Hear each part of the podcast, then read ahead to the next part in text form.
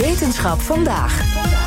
Met Martijn Rosdorf, welkom. Hoi, Lisbeth Torikees. We gaan eh, vanuit de studio naar Alberta in Canada, naar een plek die Dinosaur Park heet. Waarom? Nou, die, dat park heet Dinosaur Park omdat er ontzettend veel dinosaurusfossielen zijn en worden gevonden. En we gaan daar specifiek heen omdat een paleontoloog van Nederlandse afkomst, Darren Tanky, daar een fossiel vond van een voorouder van de Tyrannosaurus rex. En dat bleek echt een heel bijzonder fossiel te zijn. Ik heb er net even contact over gehad met Melanie During. Zij is ook paleontoloog, verbonden aan de universiteiten van Uppsala en de VU. En die was nogal enthousiast over de vondst van Tanky. Hij heeft een, uh, een jonkie gevonden van Gorgosaurus. Een Gorgosaurus is een soort verre, verre achterneef van uh, Tyrannosaurus rex. En, uh, en Gorgosa deze Gorgosaurus, die, nou ja, eerst vond hij de snuit en hij kon hem niet meenemen, want dat was op de laatste dag van zijn veldwerk gevonden. Dus toen is hij het jaar daarna pas teruggegaan om hem in de zomer weer op te kunnen graven. Want ja, zwinters in Canada opgraven is leuk en aardig, maar dan moet je eerst door drie meter sneeuw. Dus dat werkt niet. En toen, uh, toen ging hij hem prepareren in 2010. En toen dacht hij, hé, wat zit daar bij die ribben eigenlijk?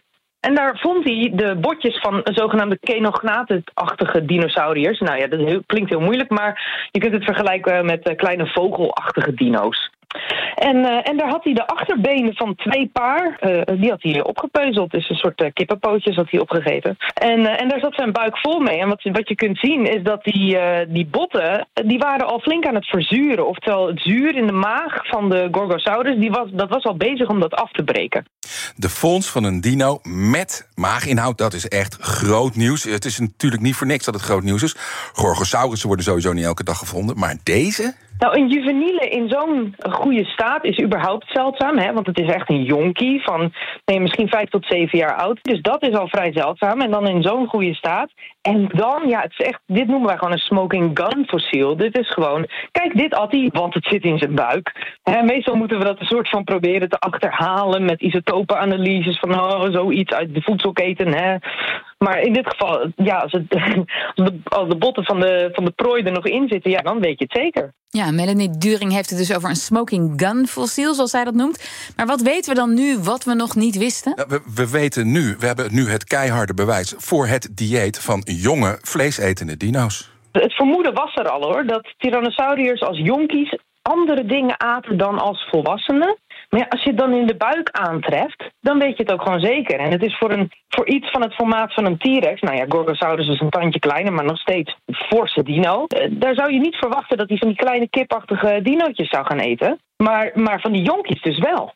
Ja, die jonkies van de Gorgosaurus aten dus kleine dinootjes. Anders dan hun grote volwassen familieleden. Die aten namelijk grotere soortgenoten, zoals de Triceratops voor kenners, Hadrosauriërs bijvoorbeeld. Maar daar wel weer de jonkies van.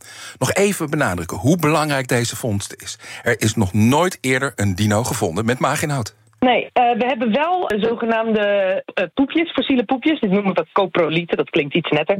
Dat hebben we wel gevonden. En bijvoorbeeld bij Tyrannosauriërs kun je daaruit achterhalen dat die echt, nou ja, beesten met botten en al opvrat. Wat dus deze Gorgosauriër trouwens duidelijk ook doet. Maar, maar ja, er zijn wel wat bewijzen van bijvoorbeeld interactie. Dus we hebben wel tandafdrukken van T-Rex op Triceratops en, en, en op andere Hadrosauriërs en andere planteneters.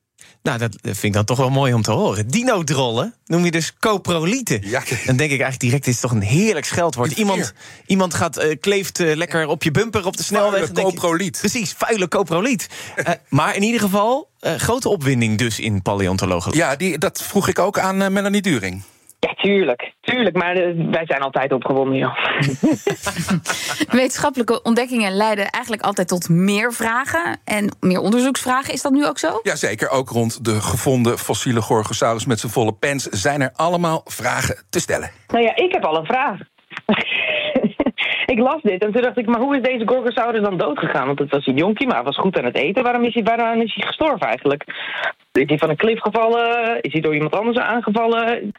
Ja, en andere, ja, andere vraag uh, die je kunt stellen is... nou ja, nu weten we het van Gorgosaurus. Was dit dan ook zo bij bijvoorbeeld Daspletosaurus of bij T-Rex, Tyrannosaurus? Dat, dat weten we dus nog niet. We, we kunnen het wel inschatten dat het aannemelijk is... maar we, we weten het niet zeker. Nou, dit soort vragen kunnen alleen maar beantwoord worden, Lisbeth en Kees. We weten inmiddels door meer onderzoek, meer opgraven, meer fossielen. Ja, Meer coprolieten. Ja. ja geweldige eh, onderzoek. Absoluut. Ik, uh, ik loop zelf dan in North Dakota rond. En ik heb natuurlijk nog nooit een T-Rex gevonden. Want op zich zijn ze ook relatief zeldzaam. En die ben ik nou. Maar ik loop wel fluitend soort van het veld heen altijd zo. Kom maar, kom maar. Hier, T-Rex. Uh, maar het is nog niet gelukt. nou, goede alternatieve onderzoeksmethode. ja, fluiten naar een T-Rex. Dankjewel, Martijn Rosse.